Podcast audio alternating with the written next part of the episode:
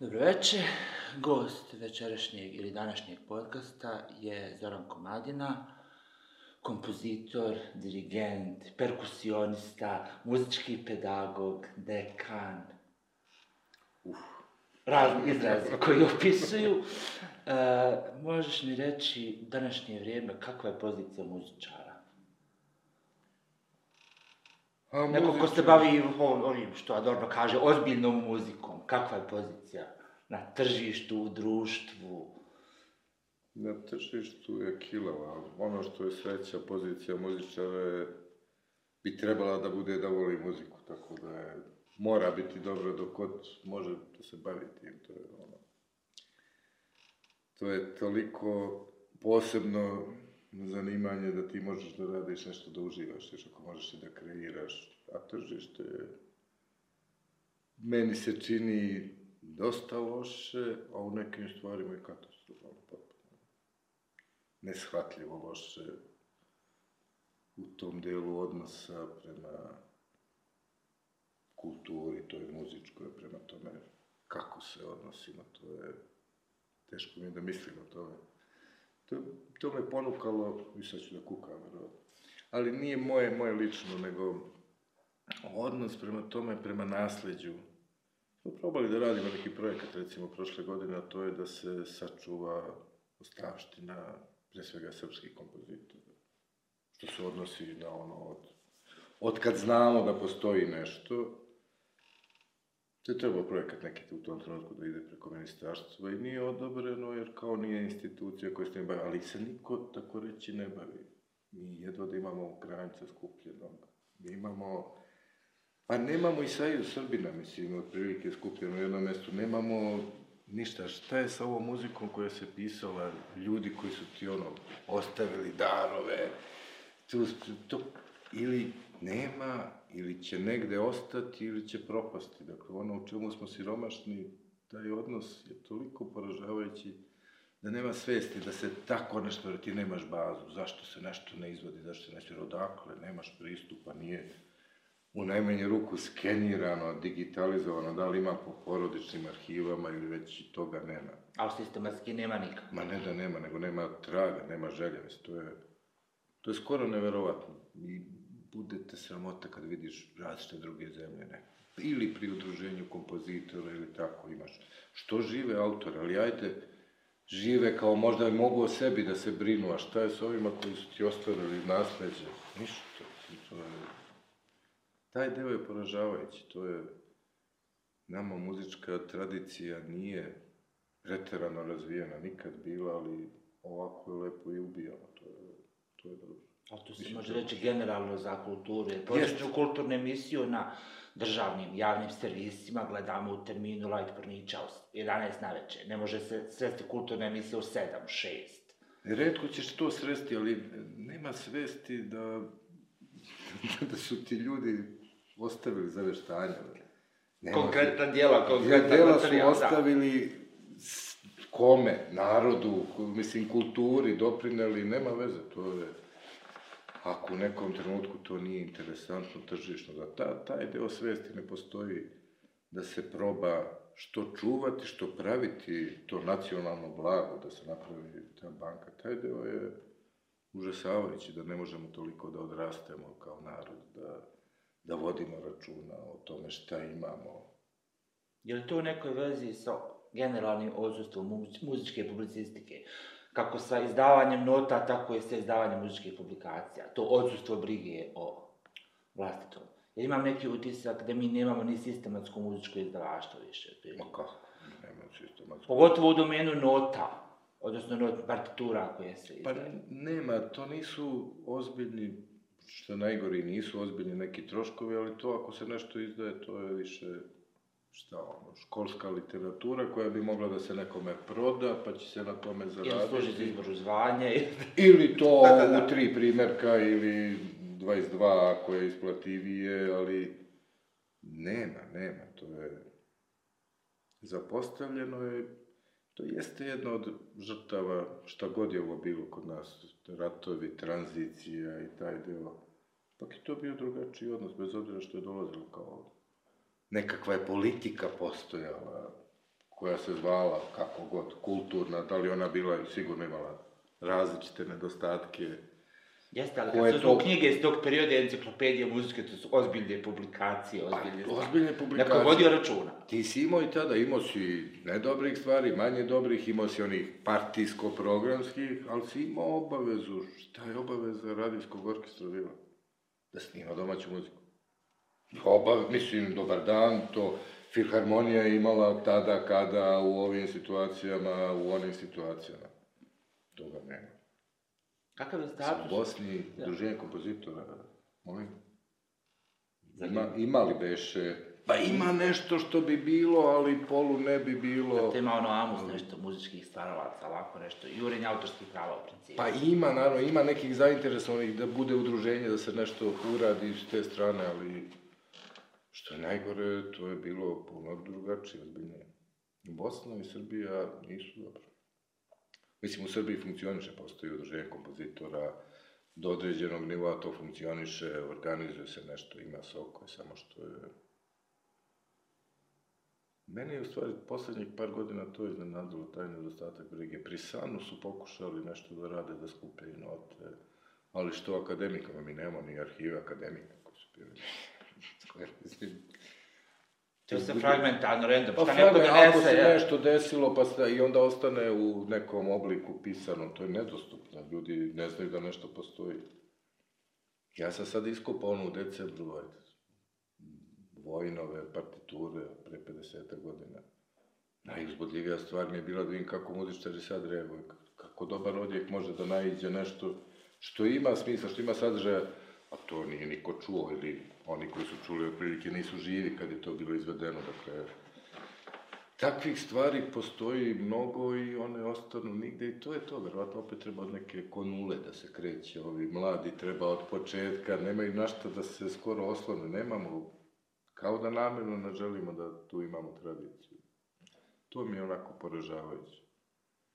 A savremeni kompozitori, postoje li, egzistiraju, mislim, znamo za neka imena, postoji li tu sistem komponovanja, objavljivanja, izvođenja, je li to vezano za visokoškolske institucije ili... Pomalo, po nešto se dešava, to nije potpuno mrtvo, sad postoje neki ljudi koji iskaču simptomatično, a bez, bez procene. Dakle, ne govorimo ovde o vrednostnom sudu, ali nekakva vrsta priznavanja tih ljudi dođe tek kako su negde na polju imali priznanje. To je slučaj sa ovima koji žive na polju, kao što je recimo Vrebalov, Aleksandra. Pa ako je dobije tamo priznanje, onda ćemo mi da je cenimo. Isidora Žebeljan je postala cenjena i postala akademik. Kad se registrovalo vidi, neko je zainteresovan na polju. Pre toga je ona radila takođe puno i Da, dosta. ovde. I ovde i isto kvaliteta, pa je bilo okej, dobro, sve to lepo, ali tu kao da nemamo snage da procenimo, mada nije to samo u muzici slučaj, to je i u drugim stvarima. Ono što jeste dobro, ima i dalje mladih ljudi koji su zadojeni, koji su, koji traže, žele. Krivo mi je, pre neki dan sam baš želeo da odem, ali ja sticajem okolnosti nisam imao doktorski umetnički projekat jednog mladog kolege koji me zanimao da čujem, ali evo sad su komentirali, čini se da je dostupan, želim da čujem. Ima ljudi, ima ih koji razmišljaju i pravit će put, sigurno. Tako da postoji, nema unificirane scene, to je, to je sigurno i nema sigurnog puta. Dakle, I tu nema izvjesnog, sigurnog, finansijskog prosperiteta od potencijalne kompozitorske djelatnosti, da, duhovite, da, Duhovite, duhovite, sasvim, da. Jer sad su došli klinici sa kompjuterom koji otvore softverčić, uzmu tri akordića, naprave aranžman, tapnu dva put rukom i tako jeste, dalje. to može da se uradi, pa... Ja se čak bojim da tekstove sad generiše neki softver. ono, Ubaciš dovoljan broj glagola, dovoljan broj pridjeva, dovoljan broj imenica, slupiš enter, daš neki ritam i Da. to izađe. Možda smo to i ranije imali. Nismo od tri minute, da, vjerovatno, da, da, da. Možda je to postojalo. Da, to liči, pa ti možeš, imaš programe, obučiš se malo, ne moraš da si muzički obrazovan. Kvantizaciju Pa uradi sam, Uradi kvantizaciju, određene komade uzmeš, raširiš, proširiš, sastaviš. I to na izgled može da funkcioniše i možda bude i jeftino. A da Pa se čuo proda skupo. neke- Pa da si proda ili, ili ne proda, kad je to u nekim stvarima nebitno. Ne znam, pričao sam s nekim prijateljem koji je radio, ili je radio u tom trenutku oko izrade igrica i tako neki. To je bilo ideja otprilike za 20 eura možda dobiješ muziku. Pa sad sam sajde bogati čovjek. Što ima zvukova, ima zvukova, šta ima Boja. zvukova, sad Klik, Ajde, bogati, udaljente. Biće pozadine. Dugo nema te, te sreće, tu, tu nema, mislim, ali to je nekako, ajde, u najmanju ruku očekivano, to i ne radi se o muzici, nije tržište, naravno, nemamo, i ne postoji tu dovoljna zainteresovanost, ali morala bi da postoji nekakva vrsta podrške. A koleginica koja je sa mnom studirala, divna Ana Sokolović, je u Kanadu otišla dosta davno, sad već 92. godine, recimo. Ona je kompozitor i to dobar kompozitor. Ona je dobila nešto što se tamo zove status nacionalno blago Kanade.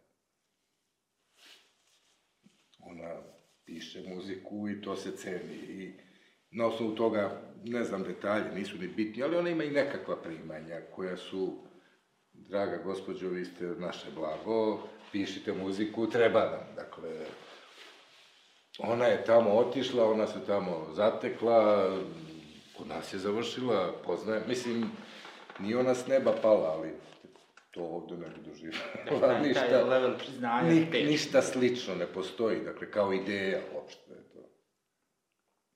Kakva je sad pozicija muzičke pedagogije? Dugo si uključen u to, ti su zvani redovno profesor, Mm. tako? Koliko imaš više, nekih 20 godina staža u visokom obrazovanju, možda i više. I više. I više. Najviše vremena kad si meni predavao je prošlo Ima, više od 20, tako da to je dobro, to. jeste. Ovaj, kak, kako funkcioniše muzičko obrazovanje? Da li tu ljudi dođu sa entuzijazmom, sa predrasudom, sa željom, sa promišljeno, nepromišljeno? Hmm. Kako tu stoji uopšte? Ma ima svega. Jeste najlepša stvar, ja radim sad na visokom obrazovanju, radim verovatno. Ojde da ne brojim, ali jedno 30 godina radim u pedagogiji. Ovaj, veliko zadovoljstvo sam imao u životu, isto stvarno taj rad sa mladima, nekada i sa decom, radi u srednjoj školi, radi sa fakultetu, koji imaju volju, želju, kod kojih ti možeš nešto da doprineseš, da probudiš. Ja mislim da smo s te strane onako baš posebno izabrani, jer je meni privilegija da imaš priliku da ti je to posao gdje možeš da se vratiš posle odmorni i napunjeni pozitivnom energijom nego, nego kad pristupaš tome. Dakle, hvala Bogu, ima ih koji su i dalje zainteresovani, koji ih provocira, interesuje muzika na razne načine, ali sreću se i oni drugi. U tom slučaju sve ono što sam malo pre rekao, da se odmorni vratiš s posla. Pa E, da, ovo, da. samo obrnuto jeste. Iscrpljujuće. Ovo je teško raditi onako u bilo kom smislu ex katedra, dakle imati distancu, ne doživeti reakcije koje su i zbog dobrog dela sadržaja predmeta neophodne da bi mogao lično da usmeriš neke segmente, ali ako ti ne vidiš pomak, ako ne vidiš interesovanje, onda je užasno težak posao. Onda se on svodi na to da treba da reprodukuješ nekakve rečenice koje mogu da ječe okolo, ali se ne primaju ni delovi, a to je... To bi bilo sablasno teško raditi, stvarno. No, srećom, stvarno ima, ima dece u, iz nekog razloga se dešavaju nikada neću tvrditi kako fenomenski potpuno da su neke generacije odskaču iz nekog razloga, gde ima veliki broj zainteresovanih, dobrih, sa onima koji može da radiš, da baš uživaš, pa onda dolazi do padova. Ne znam, apsolutno da li je to ima i sa čim veze, ali postoje različite, bukvalno, bukvalno generacije. No manje više u svakoj ih ima, ili ih je bivalo dosta dobrih. ono kao neophodna grupa za rad, moraš da imaš nekoga s kim možeš da Kritičnu masu. kritiču, ma da prebaci, dakle samo da Da imaš osjećaj da imaš neki feedback. Jeste neki feedback i konkretno. Produktivniji. Mm. Bila je jedna godina gdje je bilo jako teško raditi, to ih nije bilo malo. Čak ni slušali, to, to mi je najteža generacija bila, neću ih imenovati, mislim, ovaj, ali nikako nisam uspeo da prebacim pride, ne znam kako, nisu toliko, ali jednostavno su oni slabi loši prevlađivali, sve uspavljivali, kako god probaš, koju god energiju da sipaš, sve se negde zakoči. E, to se desilo da mi je bilo, baš sam bio zado, sretan kad su one, kad sam ih ispratio, moram priznati. Ali to je jedna takva bila. S druge strane, evo, imaš, mislim, dece, kolega, studenta, tako divnih, tako radoznalih, kojima ti je zadovoljstvo gdje se ispostavi da neke stvari što bih čak i pomislio da ne bi trebali da zanimaju tako mlade ljude, da ih otkrije, da, da može da bude interesantno. A treća stvar, ili prva koja je ovdje interesantna, dok se baviš pedagogijom ti ulaziš u razne vrste detalja kojima se ne bi bavio, kojima se ne bi susretio, otkrivaš nešto što Da. nema šanse da bi ničim izazvan stigo ili samo delić toga bi otkrio kad malo zakopaš ispod površina različitih stvari počinju da isplivavaju i to je isto lepota što te na neki način gura u tom smeru da ti da se baviš mnogo lepo kad otkriješ svašta nešto mislim. Spremnost da odgovoriš na svako pitanje. Da odgovoriš na pitanje i otkriješ čari tih situacija koje su krajnje neobične ili ono, možda bih kao mladi rađe izbjegavao, nego upravo te koje su nejasne situacije. Takvih je u muzici toliko mnogo da su, mislim, nejasne. Kad se malo pređe... Polemične, recimo. Ma kad se malo pređe van onog školskog nivoa, koji je možda potreban na nekom nivou, kao stvari funkcionišu ovako, ovako i ovako. Da, u nekim slučajevima tako funkcionišu. U mnogim drugim uopšte ne, ali funkcionišu.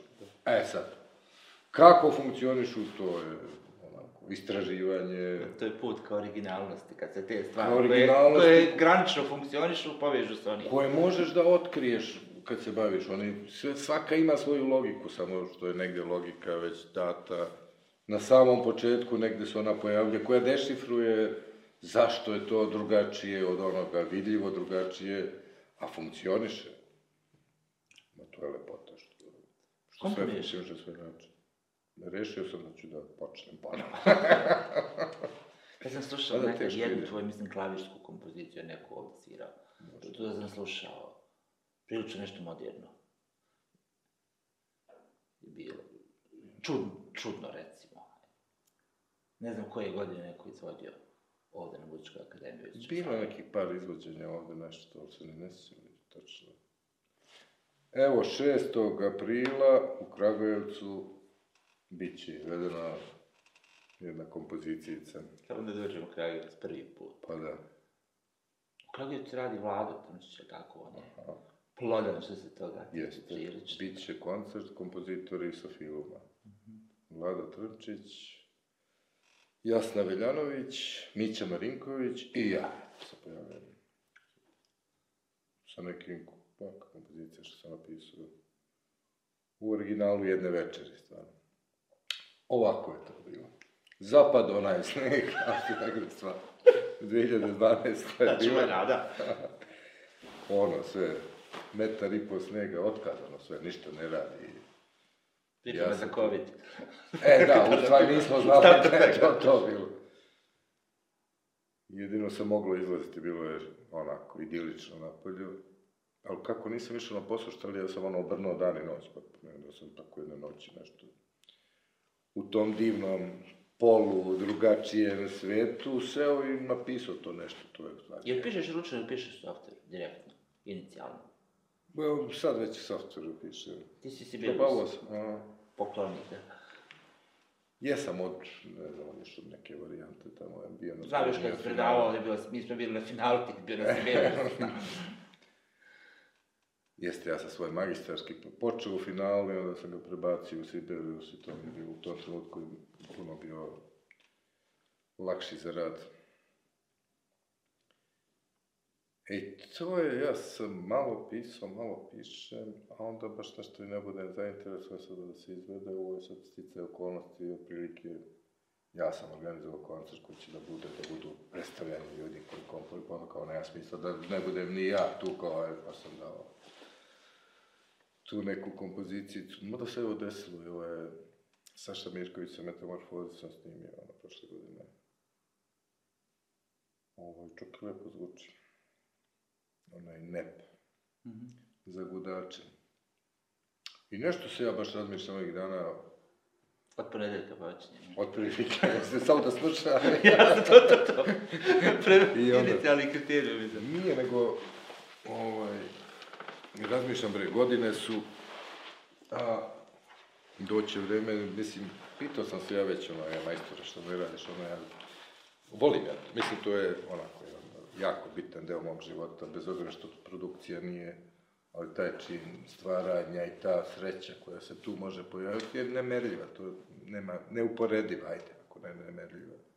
Potpuno posebno stanje kreacije, te ja volim i da pravim, da majstorišem i tu je sreća kad napraviš nešto od drveta, ali ovo je ipak drugačije, Viši potpuno je uzvišenije, nema šta mislim.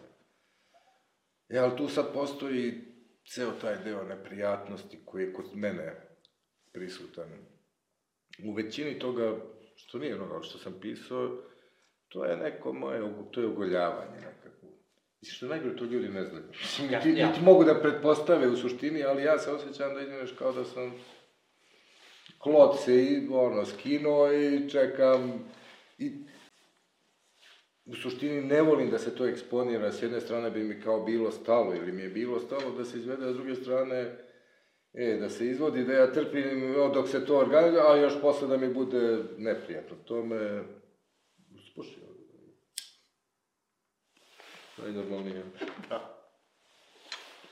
Mi smo iz starog vremena, mi smo ipak iz 20. vijeka. Apsolutno. Ono mad kad se predavao... To je bilo normalno. Najnormalnije, pik, el, pik, da, isto tako bilo normalno da ima najlon na prozoru, umjesto stavlja. Dobro, to je bilo da, da se lupira. Bilo je provjetreno dobro, da tako nije bilo. Jes, jes. Znači, šta misliš o generalnom guranju interdisciplinarnosti? Sad bilo koji tekst uzmiješ muzikološki, on sebi objedinjuje filozofiju, književnost, istoriju. Je li to pogrešno? To guranje muzike u nauku, je li to dobro, nije dobro? Tekstiranje, za pisanje radova, mislim, meni je muzika praktična djelatnost. Ili komponuješ, ili pjevaš, ili sviraš, ili diriguješ. Sad neko teoretisanje o muzici samo po sebi, nasilno se to sprovodi jer je uvedeno kao neki imperativ. Jeste, postoji, postoje dve stvari. Postoji kao imperativ i postoji verovatno iz dva razloga. Jedan je nerazumevanja drugog dela akademske zajednice koji se ne bazira na, na umetnosti. A kod muzike postoji sad i u tim nazivima tu neke stvari, počeši toga muzička pedagogija. Nije problem u Srbiji, muzička pedagogija je problem. Od početka, od koje je to 2006-2007 godine, ne znam, kad je bila prva akreditacija, je do sad uvek akreditovana kao DH polje, znači društveno humanističko. Ima pedagogiju imenu, doviđenja.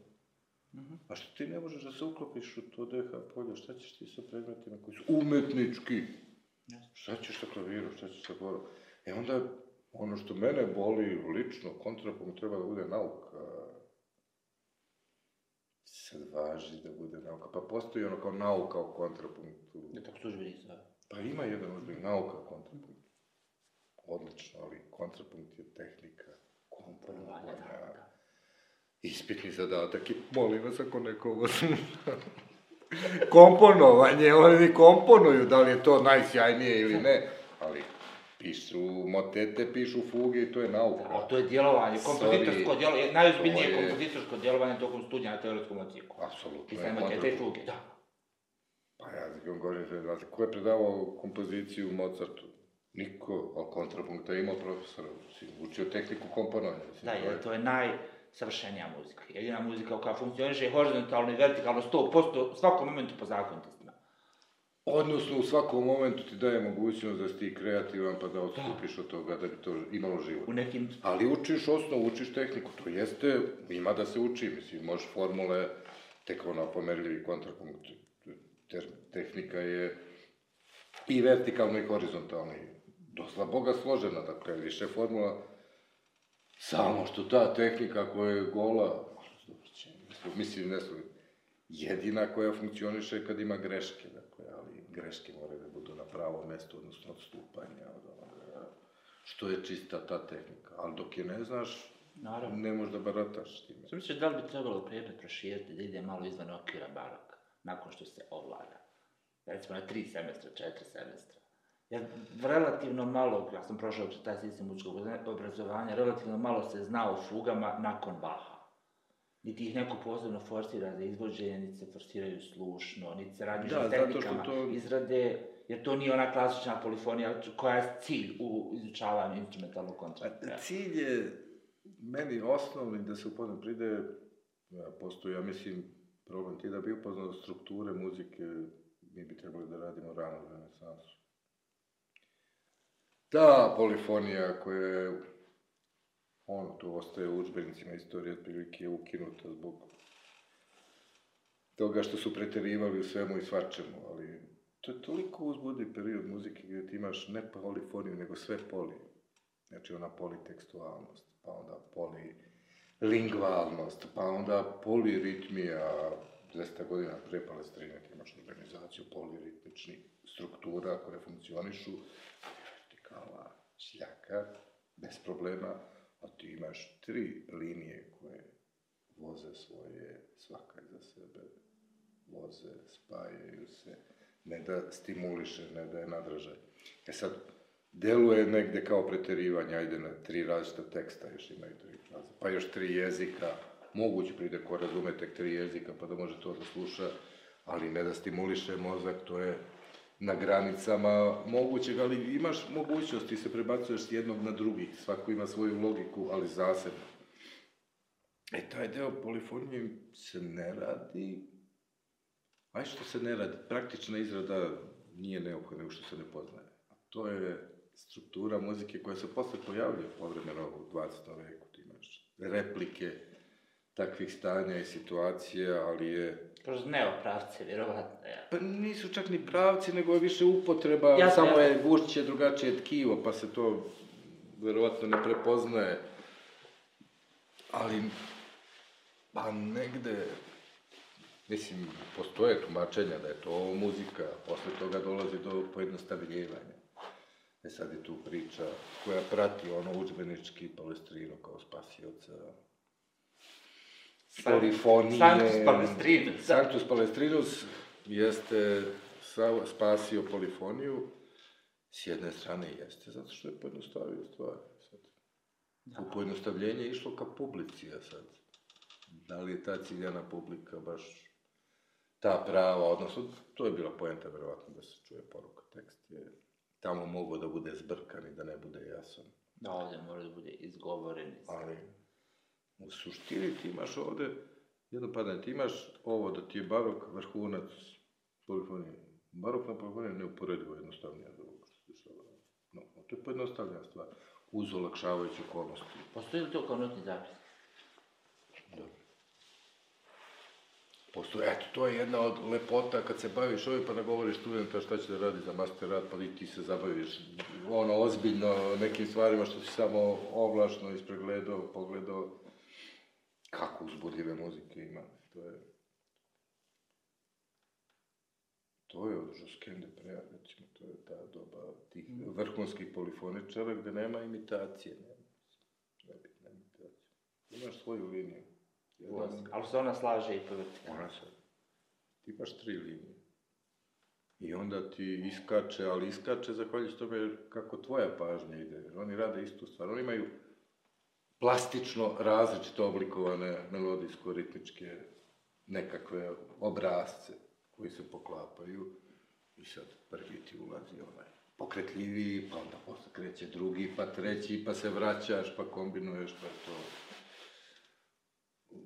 onako ludo uzbudljivo sad. Istorija muzike obično se bavi pravcima, proučava ne zaključno sa početkom drugog svjetskog rata. Obično tako ide na.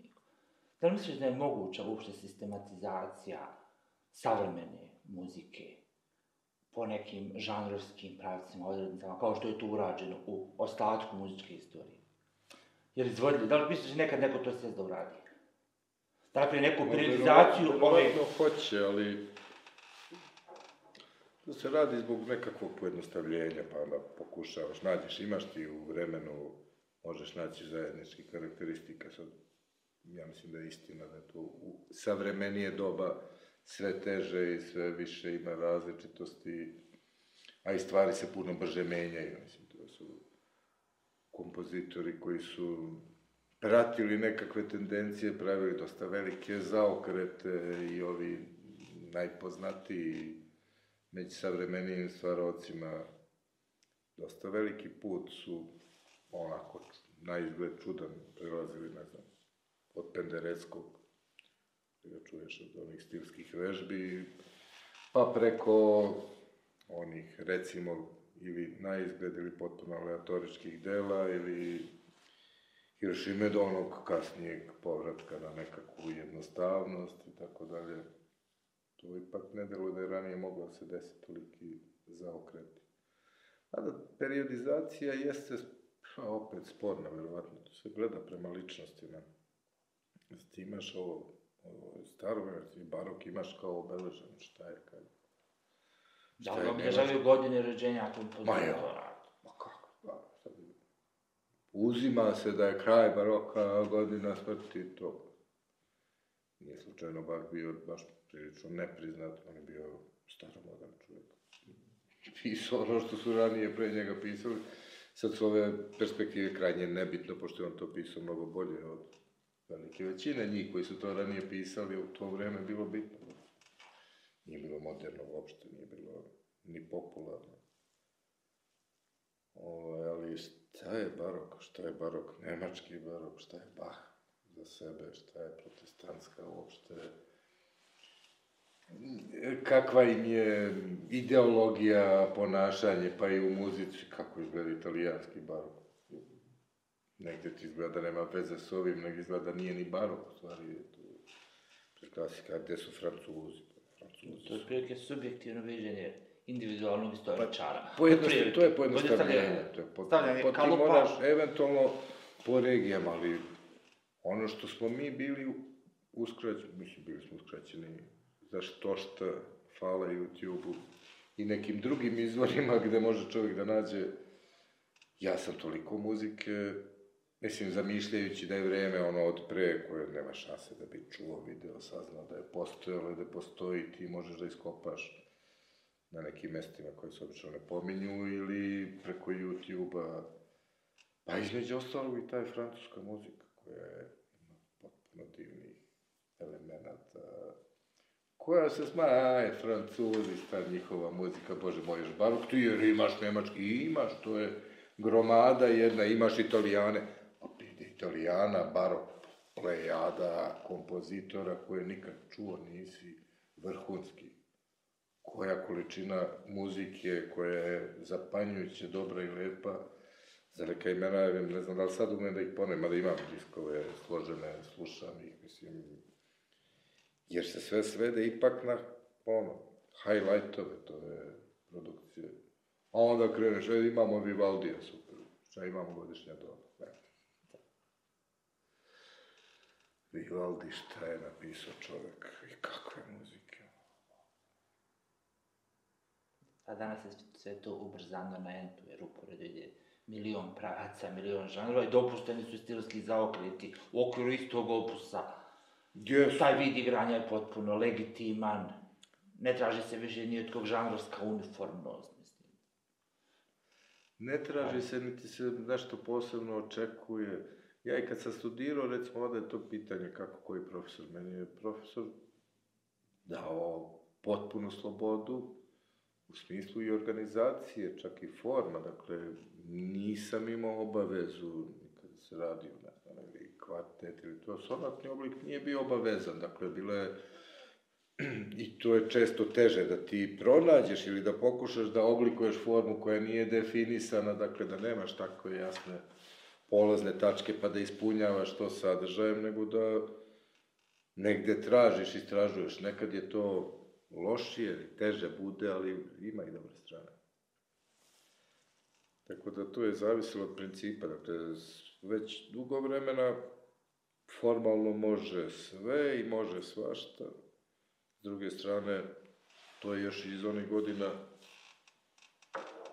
kad sam ja i slušao svašta kad je bila ta savremena muzika i deo avangarde. I onda je tu moglo da prolazi sve i svašta zaista, ali divna iskustva koja sam imao u životu, sticam okolo se ja čuo te muzike ko klinac kad nisam bio pripremljen različite zbog toga što sam porodično, ono, pa festivali, pa odeš u patiju, pa slušaš nešto što je za tebe i što nije za tebe. Nije lako napraviti procenu, ovaj, ali dobro, makar sam bio pripremljen da me ne fasciniraju onako, te neke spojni efekti, toga sam valjda video na vreme sve i svašta. Ali jedan događaj, recimo, kad sam studirao, ne znam koje godine, je strašno ostavio utisak kad je gostovo Zigmund Krause u Novom Sadu, poljak, kompozitor, i izvodio to nešto kao neku svoju kompoziciju koja je za klavir, delimično prepariran, video traku i tako. Ima razni pribor tu. Sad to kad napraviš zvuči onako. Ispovračat ću se majke mi, kanta s vodom, dve čaše, ovako špilkara, to je to. Jer sam toga, pre toga video, ali dobro, odeš to, još ti student, ajde. Želiš da vidiš, video sam razne, u suštini, loše verzije tako nečega i nisam bio oduševljen u startu, kao šta će se dešavati. Međutim, to je tako dobro muzika. Pride čovjek ima partituru, nema zezem, to nije improvizacija, dakle, da, ima špilkarata, da, ima kantu s vodom, ima čaše koje... Da, sve ima svoje mjesto. Ne da ima, to je u delovima sekunde raspoređa partitura sa sve video projekcijom koja prati, koja je napravljena, to je spektakularno. I to je muzika, tu nema, nema dileme nikakve, gde se koriste zvuci koji nisu in, sa instrumenta proizvedeni, ali su ukomponovani bez greške. Jasna ti ideja potpuno, sve funkcioniše, dakle ne ono, autor se malo zaneo pa mu lepo bilo, nego potpuno sa smislom i može da se ponavlja i da se izvodi ponovo i ponovo, dakle, organizovano sve, sve kako treba. I to mi je bio jedan predivan trenutak stvarno kad sam prvo, ono, taj lep, lep prelaz iz tog što su mi očekivanja bila kao, aj, šta će to da bude, možeš mi sad kanta vode i to, pa da te fascinira, kao ono plebs, možda niste nikad videli vodu i takve stvari, međutim, ono stvarno bilo otprilike sve suprotno od tog potpuno funkcionisalo kada treba i kako treba. Ima kulminaciju, ima razvoj, sve ima gde treba, sve, sve iskomponovano na pravi način. Dakle, može sredstvima manje više kojim hoćeš. Ako znaš šta hoćeš. I Ako ko, znaš. da, ako znaš šta U ruke Mandušića Vuka, to je to, nema, ovo je, to je sigurno stvar. Jer misliš da je danas pomjerena granica između onog što zovemo umjetnička muzika, iako je to meni malo pronazam, meni je muzika pojma. Umjetnička muzika ima svoju definiciju neku. I među umjetničke muzike je ono što se tako popularna muzika. Je li drugačije nego što je inicijalno, kad, je tu, kad su bile postavke, kad je bilo jasno razgraničeno? Da li u okviru popularne muzike postoji umjetnička djela? Postoje, pa normalna je to progresija, dakle, ono bavljenje, neko ko se bavi muzikom, on se razvija. Mislim, generalno, čime god da se baviš, ako se stvarno baviš, ti se razvijaš. Tu ima pomeranja, tu ima već dugi niz godina, što ne znači, ne sad ja masu toga niti pratim i realno me ne dotiče i ne zanima stvarno. Dobar deo toga što je popularna muzika, pride ne govorimo o onom što je Šundi, kiša. sigurni šund, dakle ono što ti pomera džigericu, pleksus i ostalo, jer dobar deo toga me stvarno ostavlja indiferentnim, ali tu sigurno postoje pomaci, to je neminovno, dakle kreće se od nekog mora da se razvija. To nekad budu i, ono, najbukvalnije razvoj harmonski, dolazi do usložnjavanja, mislim, kao i u bilo čemu drugom. Dolazi do zasićenja i ide dalje, ide napred. Sad, da li se uvek skreće na pravu stranu, tako i inače i umetnost. Tu si verovatno mogao imati takve priče i kroz razvoju bilo kojeg dela ono, umetnosti, pojednostavljenja su se javljala strahovite. Mislim, to je barok je pojednostavljena varijanta neke vrste, nekog dela renesanse. Tonalitet je s jedne strane pojednostavio, pojednostavio priču, modalno bogatstvo, ali tonalitet ti donosi neka uporište i drugačije otvara drugi put, ali ti uskraćuje, znaš. Temperovani sistem. Divne, Da on je konvencija. divne mogućnosti Da. otvorio, ali ukinuo prirodni tok, potpuno s jedne strane, mislim, to je... Mm, Mogao bih biti protivnik temperacije dobre s jedne strane, potpuno. U stvari, negde se i mislim da smo mi oštećeni tim neprirodnim sistemom. Doživljavamo ga kao prirodno, naravno, mislim, odrasli smo, okruženi smo time, ali fizički, fiziološki, on nije prirodan, to je To jeste tako, ti ne možeš da izbjegneš ne- netemperovano prisustvo zvuka, svuda, Ja sam konstantno. to imao prije tri dana skidajući neku pjesmu koju sam pustio sa servisa Spotify. Pjesma je bukvalno između D mola. Tu je negde. Tu je negde. Mm. Gitara mi je bila tačno naštimana, ona je na pola. Boli. Taman tu. Da, taman to, znači neki, nije to nikakvo poloste, polostepenog hleda, nego je napalo. Pretpostavljam da je ne- nešto skidano s ploče sa nekog izvora zvuka, ili jednostavno muzičar nisu bili Ne, nešto, ne, ili je na možda i to, da. Ali vrlo, vrlo scary iskustvo. Mogu zamisliti kako to pravi problem ljudima sa apsolutnim sluhom, te nijanse koje odstupaju od temperovanog. Ja. A ni, pazi, i sad, apsolutni sluh, oni se naviknu na ovaj temperament sistem, oni nemaju taj problem. Da, Mi ali, bi ne, ali odstupanje od toga, nekoliko puta sam slušao kad čovjek sa apsolutnim sluhom sluša lupam gudače koji ispadnu malo iz pozicije, pa To jeste, to je, suze. izbacuje To je fizički bol. Ode, crveno. Da, da. Ali ti imaš ovu misteriju da smo mi okruženi netemperovanim svaka boja. Mislim, naš prijemnik prima netemperovano, ali nam se muzika odvija u temperovan, generalno. Tako da smo u suštini tu postoji neka vrsta a, sukoba. Muzika teče temperovano, a zvukovi su netemperovani, sastavljeni od tonova koji su netemperovani. uklapaju da u- Imamo različite Pa da. štimove paralelno. I negde kako se temperacija primenjuje, prestale su priče o muzici kao sredstvu, kao pravoj magijskoj, kao de, dejstvo muzike na organizam, dejstvo muzike. Onda deluje ovako dosta dobro. Sad sam i u dolasku, nisam menjam CD. I dalje si na CD, dalje nisi prešao na digitalne servise i tako dalje. Ma dajte, ajte molim vas. Imam jedan problem. Trebao bi da menjam kola vrlo uskoro. I skoro sam siguran novo auto da neće imati CD i sad već u problemu. Zašto? Zbog slušanja muzike. Ali slušanje muzike funkcioniše tako što uzmeš Spotify, Mm. uzmeš, spojiš preko Bluetootha, spojiš sa radijom, u auto pustiš Spotify. Imaš svu muziku ovog svijeta na Spotify, pogotovo iz domena klasične. Ima muzike, samo kvalitet. Kvalitet zvuka, Aha. jako. Jako dobro, ono koliko sam ja koristio, ja znam da ja slušam metal, tako da to E, tu ti malo, to su velike prosto nijanse u zvukovima i ono sam slušao klasične muzike, gitarističke muzike, jako dobro su kvalitet zvuka.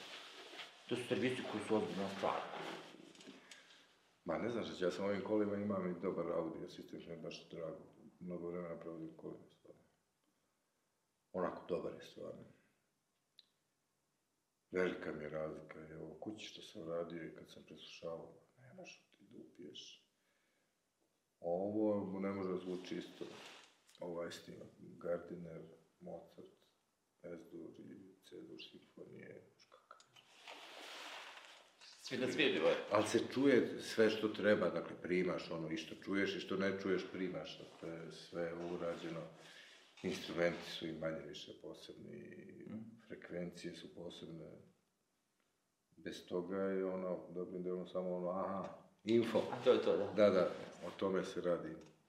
Ima nekih, ne znam, nije, verovatno 15 godina, gdje sam puno intenzivnije počeo da uživam u zvuku i da se bavim zvukom nego ranije, moram priznati. Da to ono, što krenuo da bavlja, nabavlja neka stara pojačala, stare zvučnike, čudesa. Ja znam profesor Djespić jednom ovdje rekao, kao, nema ništa romantično u podskretanju gramofonske ploče, kao to kvari zvuk. Što neka je bila priča o romantizaciji, ima, kao, nema je- ništa romantično u tome, kao to kvari zvuk, to nije čisto. Pucketanje kvari zvuk, da. Je- Međutim, ono šta se sve spakuje tu, to je potpuno druga priča. Evo, podatak, čitam iče prekiče. Prvi put nakon 2000, koje, četvrte godine, drugi porasta prodaja CD-a u svijetu. 17% u ovoj, valjda u 21. odnosu na 20. Da, da. Ja znam nekoliko pravovjernih analogista koji kupuju ploče. da, da, to, to je već Regularno kupuju ploče. već- Meni je tato uvijek govorio, najnormalnija stvar. kao šta ste tvoj CD, ja prije prođem ploču, nosim ispod miške titulom, svi pitaju šta je, vidi, otvoriš stike, ovo kao ti CD, ovo kao šta ti je to? Pa onda ona mala kutija nema ni buklet. Nema a- ništa, pogotovo kad piratski kupiš, ima papir neki zgažen. Ako imaš sreće, hoće na panu u koloru, ako nemaš. Bože moj, da. Jel ti Milorad Jovanović nareže CD pa napiše svojim lijepim rukopisom izvođača i to. Na ovoj nama bio biblioteka dok su studirali, manje više ovdje. Ja sam sad... To jeste, to je pratilo iz tog doba kad nije bilo ili kad su... Ili nije bilo ili je bilo prilike sramota kupi disk, misliš da daješ pare za tako nešto. To je bilo... E, postoji disk koji sam kupio 97. u Americi. To je mi Vukolina na danas. Pasija po Jovanu. I to je jedno dela koje me onako prati 80 i neke, ja ne znam kad je Čale bio tu u istočnoj Njemačkoj dono, to je na tri kasete bilo pasija po Jovanu, Karl Richter, dirigent. Izvijem, tad sam ja prvi put i čuo pasiju, pamtim i veče kad sam čuo, ja sam nešto ostao da radim, pristavio i kako je krenuo. Potpuno. I pride me drži Sve ovo. 40 godina kasnije, to je za rehabilitaciju, to... Elem, to je bilo taj snimak, 97. sam ja bio u Americi, tako Brazir. I u nekoj prvi ja gledam to izdanje, dupli CD, pride ono kokus para s glave, nema otišao, ono, inflacija, 8000% plata, 22 marke, ovo košta nešto normalno, 20 dolara, ili to ja ću ovo da kupim. Ne, ne mogu ja da verujem da ću da kupim disk u prodavnici, ali... Vjerojatno me je Burazer dali para, dakle, ajde. Burazer, Može, može ti to, da. Ali taj disk pamtim, bukvalno jednom ga dali kolima. Kopirao sam ga još na par mjesta da ga imam u šteku, ali je senzacionalno potpuno. I radi i dalje radi, to ona prva numer kad se otvori. Otvori se sve. Sve se otvori.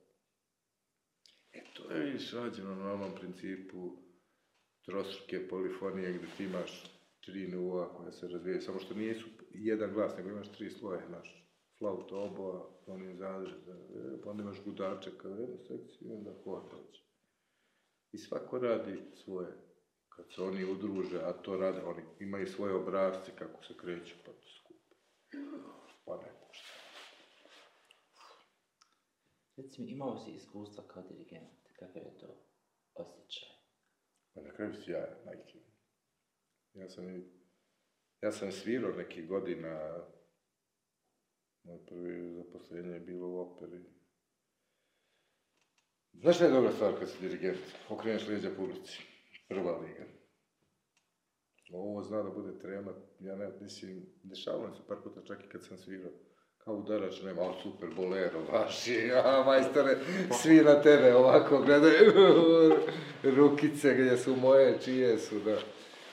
Ovo, ajde šta je i kako, ali jeste scena, pazi, pa dešava se Pariz, najveća opera, mislim, koja postoji, pune sale, i ti izađeš i kad ugledaš publiku onako velike sale, ono, ti nije sve jedno, ne stane, Ali se uvijek taj osjećaj okrećeš se prema orkestru i drugo prebaciš na njih. Aj majstore, ti krene, ja sam po... E, aj ti, dalje idem. I kako krene, lako se izoluješ, to je, to je bila jako dobra stvar, moram priznati. Super je to ispalo generalno, taj rad, pošto je to bilo, radilo se i oko partiture, menjalo se, bilo je puno proba i to je išlo. Na kraju je bilo krajnje uzbudljivo, moram priznati. Baš uzbudljivo. I pogotovo sad uđeš u nešto, to i prvi put radiš. Jo, nemaš pojma, ili možeš, ne možeš, li, ni ono, ajde sad, to ću da radim. Imam neko iskustvo, ali ono je muzičko, ono je interpretatorsko, ovako, onako, radio sam orkestrima, znam šta, ali dirigovano. I sad, bez obzira šta je to, ti imaš ansambl, dva dela, imaš neki bend koji će da svira, imaš orkestr koji će svira, imaš i izvođače, imaš pevače. Neka vrsta usklađivanja, držanja pod kontrolom, ali je, pa, i to je sjajno će kad uhvatiš da ti ono, da držiš kontrolu i da stvari kreću, da se odvijaju. Master of Puppets. Mnogo je dobro, a, baš je, baš je dobro. Dakle, na jednom mestu kritika ili prikaz opere, kaže, ipak ne verujemo da je ovo išlo u živu muziku. Yes, ajde, to je. Dakle, nije loše urađeno.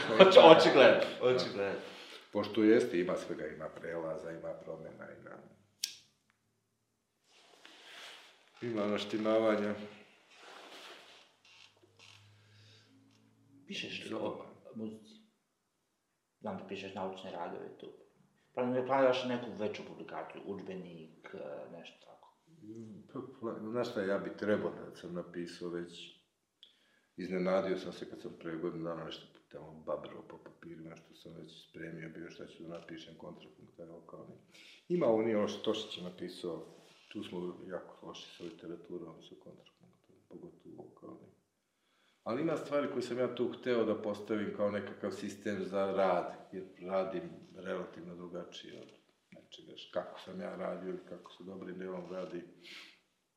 Mislim da nije loše da se postavi po ugledu da to ipak bude komponovanje, ali po školskim uzusima, nekakvim pravilima, da se prođe u neke stvari. Jer tu mi je bio problem ovo što vidim kako se radi na vokalnom, renesansna polifonija, ti za fugu imaš ono školske šablone, plane, pa nećeš mnogo. Da Ima logike, a za ovo, što je motetski, slabo. Jer tu ti je ono cela priča, ta motetska tehnika je u suštini spektakularna i ona mora da se ubaci. E nije lako ubaciti u nešto što je školska ideja, da ti daš uputstvo, mora ovako da izgleda. I ti tu moraš da pojednostaviš krajnje, E, tu je problem vreme, tu ti treba makar treći semestar. To je, cijela priča je do tome da je to vokalna muzika. Da. To će zavisiti mnogo, sve od te, sve, sve, sve, sve će zavisiti od teksta, šta će se dešavati ovde, šta će se dešavati tu, i gde je frka, gde se dešava, gde su modulacije, zašto su modulacije, isključivo tekst. E ti ovde ne stižeš do toga uopšte, tekst je onako, ajde, da imamo tekst, lepo, da se isprati akcenti, ali tumačenje teksta se ne, ne postiže. Jer ti imaš i oblik, ti je isključivo uzrokovan tekstom, strukturom, formom, ali imaš tumačenje teksta muzičkog. Imaš bukvalno i nekad ono kao slikanje, ali tumačenje, mislim, gde, šta, kako prenosi emocije, kakav je tekst, mislim, to što je duhovna muzika, emocija ipak ima razne vrste. I onda imaš kroz harmoniju nekakvu, kroz modulacije, pa ono, otkud kod palestrine u tri takta četiri modulacije. A vidi šta piše u tekstu. Mislim, eto zbog čega. I imaš ideje kako ćeš to upakovati u tekst? Imaš neki kroki u glavi? Imam, ne znači da ću da ga napravim, ali yes. trebao bi da ga napravim, mislim, to sam već pre... To ono englesko, I'm supposed to. yes, supposed to, yes.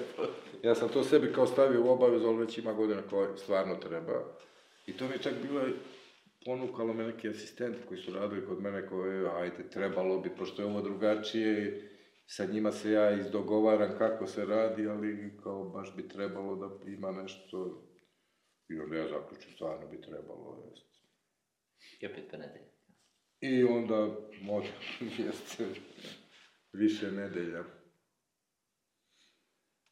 posljednje pitanje. E, status muzike u visokom obrazovanju, kako mu vidiš perspektivu? Trenutno na poziciji dekana fakulteta, kako se čini položaj u muzike kao umjetnosti u okviru visokog obrazovanja, u okviru ove bolonjizacije koja nas je snašla ili nam je blagodet ili nam je nametnutost, ne znam ja. Kako ide, kuda ide, da li ide, ima li mjesto? Bolonizacija nas je pa više snašla, mada mislim, ne može to ništa uništiti sistem. Nisu to drastične promjene, a muzika, hvala Bogu da postoji i postoji u školstvu, mada verovatno bi je pola ih smatralo da bi, kad bi imali prilike, ali sramotno ih je da se ukine otprilike. Ne donosi Jer- pare, ne donosi hljeb, ne liječi donosi ljude. pare i skupo je generalno, imaš troškove, a ko ide na koncerte, a bit će još manje koncerata, nema koncerata, gdje je ta produkcija muzička, gdje je događaj. Ja pogledaj, onaj, mislim, nije uporedivo, ali i to je, čini se, pasija po Jovan, ne pasija po Matiju, BBC prenos, negdje sam s njima gledao. Gardiner i ovi njegovi izvođenje pasije po Mateju, BBC, i sad njih trojica su pred početak, komentari, uzbuđenje, slušat ćemo, bit će izvođenje, a ulazi dirigent, publika, naravno, krca to, pa to je spektakl, događaj. Doduše, evo, desilo se, ja nisam znao, mislim, trećeg, četvrtog marta u Beogradu, pasija po Jovanu izvedena. Nisam imao pojma. Gosta sa onim njegovim predrag gosta sa baruk, ne znam, dva hora i tako dalje. I saznao sam tako što je neko napisao komentar u novinama kao, pa kako ovo nije nigde oglašeno. Ne da je COVID prazna, nego je bilo poluprazno i od COVID-a kovarac, mislim. Pa se Ali to je generalno sad u nekom post Ako je pre 30 godina bila... Nije ogla, ne oglašavaju se stvari generalno. Iz domena Ali popularne ovo je fre, frapantno da, ne znaš, da nije pušteno, ne znam, na bilo koje, koju vrstu medija. Ovo se pusti i, hvala Bogu, napunit će kolarac, se napuni začas Nemanja Radovlović, čim se objavi jedan drugi koncert, vrhunski, stvarno sjajan. Sjajan dečko, ali da ovako nešto može proći, dakle, pasija po Jovanu, bilo koje izvođenje, bilo gde je ono događaj, ozbiljno je parče, po svim parametrima, u Beogradu kažu da je bilo pre 30 godina ovo, tako nešto. Čudo jedno. I tom jednom prilikom sam svirao sa Nemanjom Radulovićem, pričao to? Ne. Ah, joj. To je super je bilo gore kod, na Kustendorfu. Kusturice, pošto on tako ima ideje, sve, ja rekao super, aj sad vi skinite muziku iz filma i svirajte. Što, što da radimo? ali to je tako, ali to je odlična stvar, ti misliš da je to nemoguće, ali on kaže moguće, kaj je moguće. Kontaš da je moguće, vrlo lako, da. Pa, lako ili ne, ali moguće i to ispadne dobro. Ali nešto smo mi svirali, tu je Nemanja gostovo i ne znam koga pitao što ti ti hoće i onda svira i izvuče violinu počeo svira. Ja. Moram rekao, muziku nije neki spektakl, a ovo zvuči. Ja rekao, Nemanja, kakav ti je film, kako zvuči u stvari, treći ton, to je ja, mislim, neverovatno lepo, šta god. I on kao, jao, pa da, ali kao, otprilike, izvinite, ali ovo mi je ova za vežbanje violina, nije to. da, važi, da. Da on je skroman. Kad god sam gledao njegovo javno opredjelje skroman, Ne, ne, kao da pa se izvinjava što postoji. Dečko koji je tako pristojan, koji je tako fin, jednostavno drag. Drag, svira, peva, mislim, to je bolje, kak tamo posle da peva, mislim, lepše, predivno. Kako, kako djelovalo na tebe, ajde nećemo pričati o covidu, nego bacanje muzike u online sferu, ona gomila nekih online koncerata, nastupa. Je to bilo blagodet ili je bila devalvacija? Ma devalvacija, Devalvacija. to je da se ubije vreme i da se napravi nešto, ili da se opravdaju para, ako je projekat, pa kao ima. Mi smo nešto radili preko nekog projekta, nije sad demusisio, ali je bio pokušaj tog, kako može u realnom vremenu i održan je koncert pijanistkinja bila u Beogradu, violinista u Trstu u tom trenutku. koji softver, koji, koji internet je funkcionisao tako da nema dileja. E, konekcija posebna je išla bukvalno, pa plus softver, ne znam kako se zove, ali to je jedan od delova projekta i bilo je izvodljivo. Negde se dešavalo, ali ide posebna konekcija direktno, ne znam detalje. Jasno, jasno. I posle toga je bio pokušaj opet prezentacije kako je moguće da se radi na daljinu čas obično, ovo je koncert i to je stvarno... A ovo je pitanje i časa, mislim, kad smo radili online nastavu, što nam je super izvođačima bilo, a ko šta čuje, odlično si sine odsvirao, naš pojem, mislim, ono zvuči, kako zvuči, tu vidiš ogromnu tehničku inferiornost u stvari, kako je tehnika ova, ona služi za prenos info, podatak o informaciji, otprilike, da to postoji nešto i sad, ali za, za stvarno bavljenje prilično daleko. To je od internet konekcije, ne znam, u Srbiji je moguće, ali to ne znam, preko, da li preko akademske mreže, pa ako se ide tačno, ne znam, kojim putevima, gde su direktne, plus koja vrsta softvera, pa je to opet daleko, ali uopšte reprodukcija zvuka. A to je ta priča, mislim, na čemu ja ove varijante MP3, ovaj čega, to je... Sam našao neki divan tekst bio koji sam uvrstio u lekcije iz engleskog 2 na akademiji. Tip je napisao kritički osvrt na tu digitalizaciju koncerata. Mm. Čak je predvidio mogućnost da će u dogledno vrijeme, možda čak i ove godine, neko biti toliko pametan da napravi Spotify verziju live streaminga i live snimljenih koncerata. Znači mm. ljudi da plaćaju i da slušaju sadržaj iz topline svog doma. Mislim, koncert nije samo po mom mišljenju. Zvuk, koncert je opšti doživljaj, gledanje, sve ostalo, ali nekako tu godinu, dvije su nas gurali u kuću. Sistemski su nas gurali u kuću. Je u. I čilo, e, vidite kako vam je lijepo, kako vam je ugodno, sve, imate i kulturu čak. Ja onda zbrisu u selu. Milina. to, mi smo ovde čak imali automatske pazi... puške za policijskom satu, su išli policajci ulicama sa automatskim puškama. Moguće je ovo da, ovaj, katastrofa u pet doviđenja, da. za tri dana se vidimo kad izađe. Znaš da smo mi ovdje imali, recimo, biser, ne možemo iz opštine u opštinu. Da, recimo, nisam mogao da odem 200-350 metara, često do zgrade u kojoj mi živi mama, jer ona je na drugoj opštini.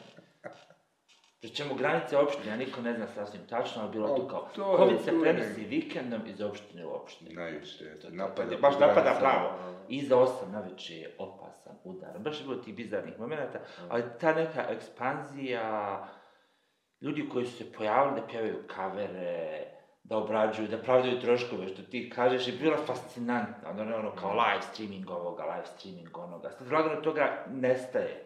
Što je divno ipak, ali Set tumačenja Sergiju Čribidake, dirigent, vrhunski. Sad za njegovog života posle su objavili ime gomila diskova, je mi objavio različite izvođenja. Ja sam nekim putem došao do nekih tih diskova. Ima potpuno sjajnih, to su nevjerojatno dobro izvođenja. Međutim, on nije dao generalno, ili većina stvari nije mogla se objavi snimci. Njegovo nije priznavao tu cijelu priču pošto je potpuno stajao iza toga da sve komponente muzičke su zavisne od prostora u kome se dešava radnje. Pa tako i ritam, kom se ovdje bukvalno, met, od tempo da će biti različit u zavisnosti od prostora i kako se zvuk tu rasprostire i kako se dešava. Sad mi ti pričaš ko važi, ja ću to je baš onako potpuno na drugoj strani.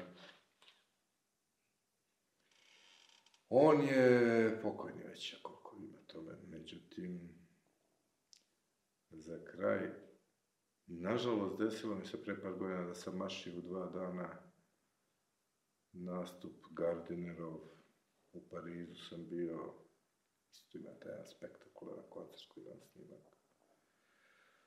Bach, Rameau, Handel, I onda sam sebi zao u zadatak da ću kao sledeće, kad budem planirao putovanje, da gađam kad budu nastupali tamo u kapeli Louvra, ima sjajne prostor.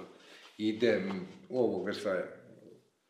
Međutim, COVID ove dve godine ukinuše sve, nisu bili u Francuskoj, kako vidim, jedva nešto malo da, da. Da. mrdnu, a to sam rešio da mi bude ono, ko čeka, jel to toliko nije, brate, karta košta 50-70 evra. Ja. Da. Ajte, molim vas, mislim, treba da bude jedna stvar u životu koju radiš. Tako da sam to zacrto, to bi morao, nadam se da ću imati priliku da ostvarim, da čujem uživo. Kako ne, bre, mislim, žao mi što nisam. Taj snimak kad sam prvi put čuo, neki počeo da plače. Potrebno se. Isplakah se ja svi, mislim, ono, sad to je YouTube.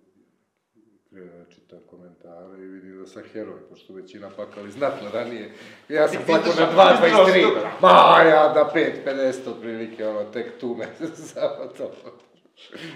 Kao do bisa niko nije izdržao, ali kad Strašno.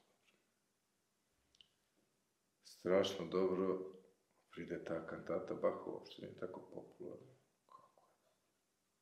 Kako? Kako?